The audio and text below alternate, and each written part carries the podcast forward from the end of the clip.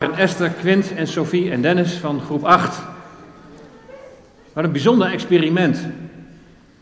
En we gaan nu even nadenken over wat we toen straks hebben gelezen uit de Bijbel. En ik hoop dat het niet het ene oor ingaat en het andere oor weer uit. Maar dat we er echt ook iets aan mogen hebben.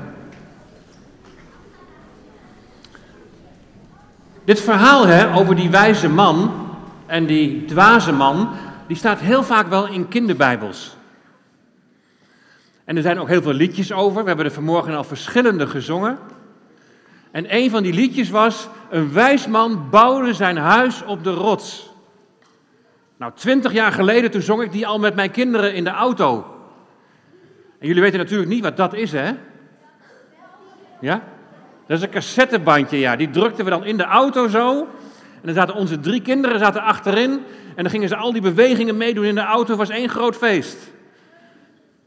En de regen daalde neer en de vloed kwam op. Dus zo, zo oud is dat liedje al, hè, van Ellie en Rickert. Nou, als het nou zo'n bekend verhaal is in de kinderbijbel, en er zijn ook heel veel kinderliedjes over gemaakt, dan zou je haast denken van, dan is het wel een beetje een makkelijk verhaal. Nou ja, aan de ene kant is dat ook wel zo, maar aan de andere kant is het ook best wel een lastig en ingewikkeld verhaal. En ik wil jullie proberen om dat uit te leggen.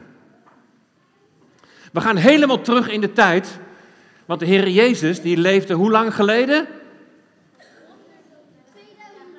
Precies 2000 jaar geleden, meer dan 2000 jaar geleden. En waar leefde de Heer Jezus? In Israël, precies. En Israël, dat is heel ver weg. En wat je allereerst moet weten, dat is dat er iets heel bijzonders is met Israël. Israël is eigenlijk maar een heel klein land. Nederland is wel twee keer zo groot als Israël.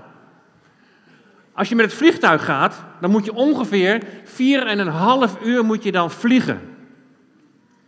En het ligt ook op een hele bijzondere plek. Want Israël ligt namelijk op de grens van drie werelddelen. En dat is Europa, bij de volgende. Dat is Europa, en daar heb je Azië, en daar heb je Afrika. En precies daar in dat centrum, daar ligt Israël. Het ligt dus op een hele bijzondere plek. In de Bijbel staat dat Israël ligt op de navel van de aarde. Nou, de navel is ongeveer het midden, hè? Maar zo ligt Israël precies in het midden van de aarde. En door de hele Bijbel heen gaat het over dat volk Israël. God, de Heere God, die heeft dat volk, Israël, heeft hij uitgekozen. En hij heeft dit volk heel lang geleden heeft hij die uitgekozen, omdat hij eigenlijk door dit volk heen, door al die mensen van dit volk heen, bekend wil maken wie hij is. Dus de mensen uit Israël, die moeten over de hele wereld gaan vertellen wie hun God is. Maar ze moeten het ook laten zien. Niet alleen vertellen, maar ook laten zien wie hun God is. Maar ja, hoe doe je dat? Hoe laat je dat nou zien? Door zo te doen en naar God te luisteren, laat je aan mensen om je heen zien wie God is. En God die leert ons bijvoorbeeld dat wij geen ruzie moeten maken. En hij leert ons dat als het wel een keertje verkeerd gaat, dat we elkaar moeten vergeven. Nou, als je dat doet, dan doe je wat de Heere God zegt.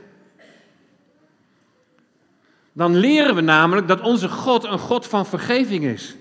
En dat onze God een God is die altijd weer opnieuw met je wil beginnen. Jammer genoeg heeft het volk Israël niet zo goed geluisterd.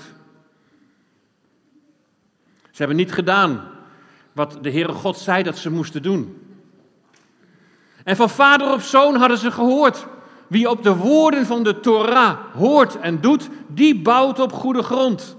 Nou, Torah is een beetje een moeilijk woord, maar dat is een stukje van de Bijbel. Dus eigenlijk hadden ze vader op zoon, de ouders hadden tegen de kinderen verteld, wie op de Bijbel bouwt, op de woorden van de Bijbel, die ze ook hoort, maar wie ze ook doet, die bouwt op goede grond. Als er staat dat je niet mag stelen, dan moet je ook niet stiekem een koekje uit de koektrommel pikken. Want dat is ook stelen, hè? En daar krijg je weer ruzie van. En daar word je verdrietig van. Dus de Heere God die heeft eigenlijk regels gegeven aan zijn volk, opdat zij een heel fijn leven hier op aarde zouden hebben. En Gods volk, Israël, moest het goede voorbeeld geven. Dat is helaas niet gelukt. Ze wilden zelfs op een gegeven moment niks meer met God te maken hebben. Maar de Heere God geeft niet op. Hij wil dat het weer goed komt tussen hem en zijn volk. Want God is een God van herstel. Er moeten dan wat de Heere God betreft wel twee dingen gebeuren. Twee hele belangrijke dingen moeten er gebeuren om het weer goed te maken tussen de Heere God en zijn volk.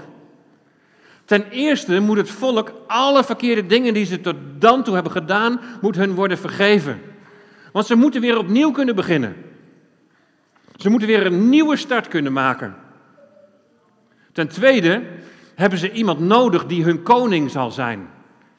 En dat moet een hele goede koning zijn. Een volmaakte koning die ze 100% kunnen vertrouwen en op wie ze zullen vertrouwen. Daarom is de Heer Jezus naar deze aarde gekomen. We hebben net gelezen uit het Matthäus-evangelie, hoofdstuk 7.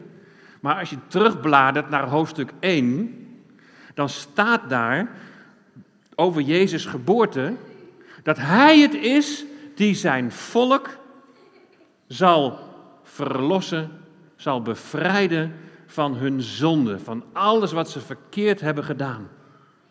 Daarom kwam Jezus naar deze aarde. Hij wilde, God wilde, dat zijn volk weer helemaal opnieuw kon beginnen. Maar zegt Jezus, dan moeten jullie je wel bekeren.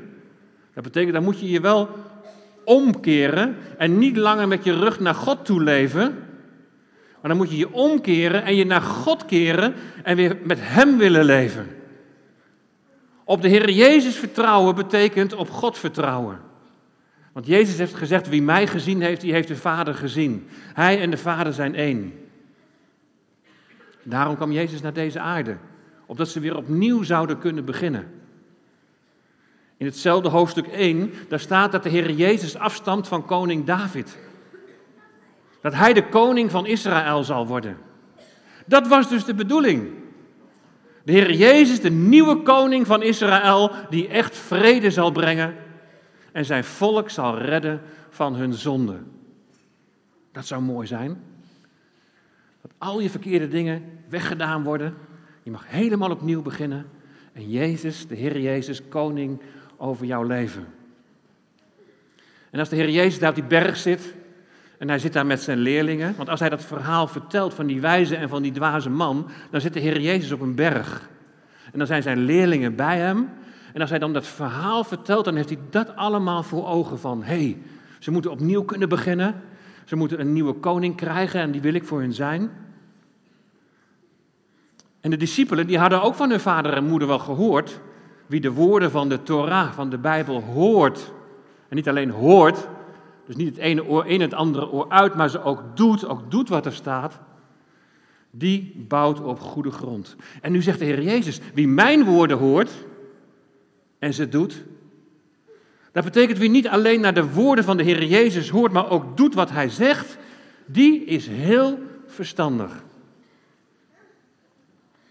Ik was van de week vrijdag was ik in groep 3. En toen vroeg de juffrouw, wil je even vertellen waar het zondag over gaat?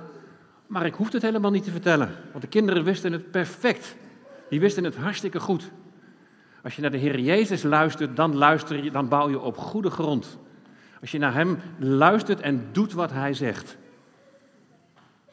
Stel dat het heel hard gaat regenen of vanmiddag het gaat heel hard stormen dan moet het huis wel heel stevig zijn, anders dan stroomt het huis weg. Als mensen een huis gaan bouwen, dan wordt er altijd eerst een tekening gemaakt. En daarop staat precies hoe alles moet worden gebouwd. als jullie iets met Lego gaan bouwen, ik was gisteren nog even bij mijn kleinkinderen, die kregen een hele grote doos met Lego. Als je daar iets gaat bouwen, kijk, dan zit er ook zoiets van een tekening zit daarbij.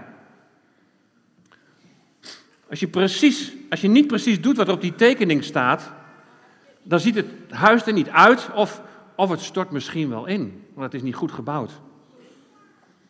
Nou, die tekening is eigenlijk net als de Bijbel. Daar staat in hoe je moet leven, hoe God het leven heeft bedoeld.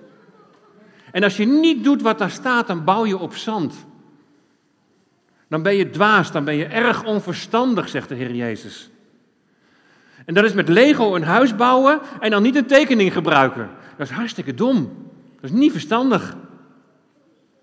Als je een huis op zand bouwt en het gaat dan stormen, of er komt een kleine aardbeving, dan stort alles in elkaar. Als je de Bijbel alleen maar leest en je doet niet wat God zegt dat je moet doen, dan gaat het niet goed komen. Bij Feyenoord, daar zingen ze geen woorden maar daden. Maar hier is het woord en daad, allebei. Niet alleen maar het een of het ander.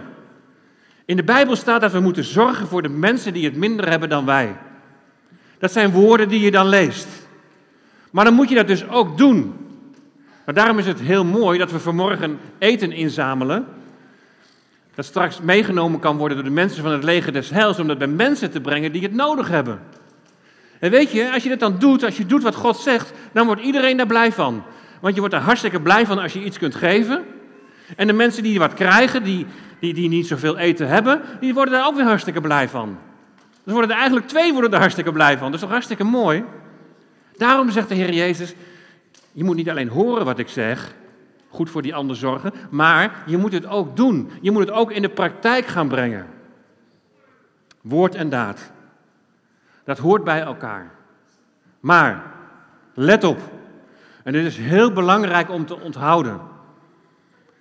Dat woord, wat je hoort uit de Bijbel, als we de Bijbel lezen, dat is meer dan goede dingen doen voor een ander. Daar begint het niet mee. Het begint met iets anders en dat is heel belangrijk om dat te onthouden. Dat woord wat je hoort uit de Bijbel, dat is meer dan goede dingen doen voor een ander. Toen de Heer Jezus hier op aarde was, toen riep hij het volk op om zich te bekeren, zich om te keren naar de Heere God en opnieuw in de Heere God te gaan geloven.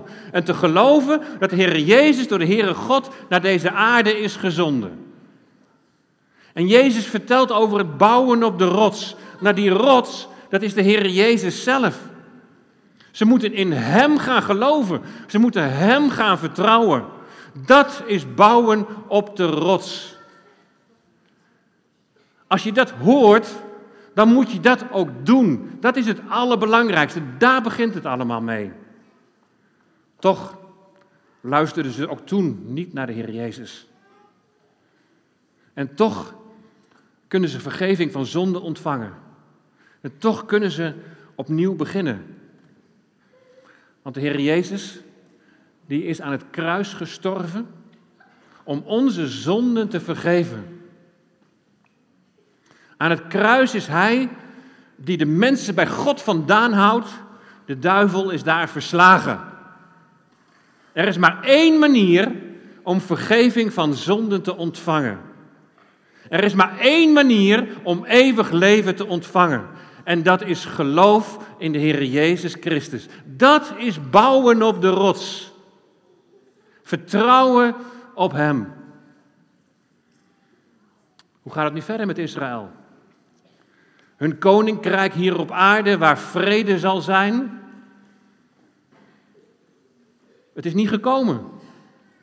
En dan zingen we met kerst met elkaar: vrede op aarde, vrede op aarde. Maar waar is de vrede?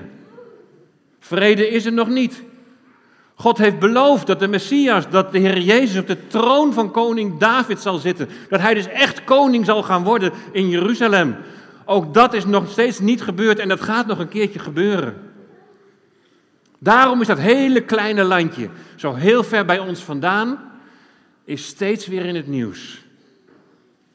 Nu is er weer een vredesplan van president Trump. In plaats van vrede lopen de spanningen alleen maar hoger op. En dat is precies wat de Bijbel ons leert. Voordat het koninkrijk voor Israël komt, waar vrede zal zijn, zal het eerst nog heel wat regenen en zal de vloed opkomen. Het zal gaan stormen. Je hoeft er helemaal niet bang voor te zijn. Dat is precies wat de Heer Jezus zegt als het stormt op het meer en de discipelen zitten in de boot. Dan zegt de Heer Jezus, wees niet bang, ik ben het, ik ben bij je, vertrouw op mij. Er zal meer op een manier vrede komen voor Israël. En dat is als de vredevorst komt, als de Heer Jezus weer komt. En dat is wat de Bijbel belooft. De Heer Jezus komt terug en er zal vrede komen op deze aarde. Als het in je leven stormt, dan bedoelen we daarmee dat je dingen meemaakt die niet echt zo leuk zijn, waar je misschien wel heel erg verdrietig van wordt. En dan is het alsof het elke dag regent en het water komt hoger en hoger en misschien wel tot aan je lippen. Soms gebeuren er dingen in je leven dat je niet meer weet hoe het verder moet. En als je dan zingt en bouw je huis op Jezus de rots, dan betekent dat dat je ook in je verdriet op de Heer Jezus mag vertrouwen. Ook al is hier nu nog geen vrede hier op aarde. Hij wil je wel vrede geven hier in je hart. Dat betekent niet dat je geen moeilijke dingen meer mee zult maken. Maar als je dat meemaakt, dan denk je aan de Heer Jezus die van je houdt. Dan denk je aan de Heer Jezus die al jouw verkeerde dingen wil vergeven. Dan denk je aan Hem die je wil troosten in al die dingen die je meemaakt. En je denkt tegelijkertijd aan die geweldige toekomst. Weet je nog straks? Het zal eenmaal vrede zijn als de Heer Jezus terugkomt. Dan zullen alle tranen en alle verdriet zal voorbij zijn als Hij komt. Dus kunnen we daarna uitzien. Als Jezus in je hart woont, dan ga je de daad bij het woord voegen. Dan wil je meer naar mensen kijken met de ogen van Jezus. Dan wil je delen met mensen om je heen. Delen van al die dingen die jij hebt gekregen. En dat is al een klein beetje vrede op aarde. De vrede die straks ten volle zal uit aanbreken. We kunnen het ons haast niet voorstellen als we kijken naar de wereld om ons heen. Maar wat is er een nood? Wat is er een verdriet? Wat is er een pijn en wat een ellende? Nou, jullie hebben vast wel weer het laatste bericht over Thailand gehoord. Zoveel mensen omgekomen. Het kan zo stormen in je leven. Maar dan zegt Jezus, luister naar mij. Geloof in mij. Geloof dat ik ook voor jou aan het kruis ben gegaan. Geloof dat ik ben opgestaan uit de dood en dat ik leef. En dat ik er ook voor jou wil zijn. Bouwen op de rots, bouwen op de Heer Jezus is het allerbeste wat je kunt doen. Het is zelfs noodzaak. De Heer Jezus zegt, niemand komt tot de Vader dan door mij. Er is maar één weg naar God de Vader. Er is maar één weg en dat is die rots. Dat is de Heer Jezus. En daarom is het belangrijk om op, in Hem te geloven en op Hem te vertrouwen. Hij is er altijd. Hij is er altijd bij, ook als het moeilijk wordt. En Hij laat je niet los. En Hij is een God, de Heer Jezus, die wil altijd weer opnieuw met je beginnen. En dan zegt hij, maar nu, luister nou naar wat ik gezegd heb. En doe wat ik zeg. Want dan wordt het allemaal zo anders. Dan krijg je een heel ander leven, een nieuw leven. Een nieuw leven met God. Bouw je huis op Jezus, de rots. Geloof in Hem alleen. Ik bouw op Jezus, anders niet. Dat gaan we zingen. Het is Zijn bloed dat redding biedt. Zijn kruisiging is onze redding. Wie op Hem hoopt, wordt niet beschaamd. Ik steun alleen op Jezus' naam. Heer, u bent ons fundament. Zwak wordt sterk door al uw werk. In de storm blijft u Heer, hoogste Heer. Ook als de nacht mijn zicht vervaagt, toont Hij zijn liefde die mij draagt. Al woeden stormen om mij heen, mijn anker rust in Hem alleen.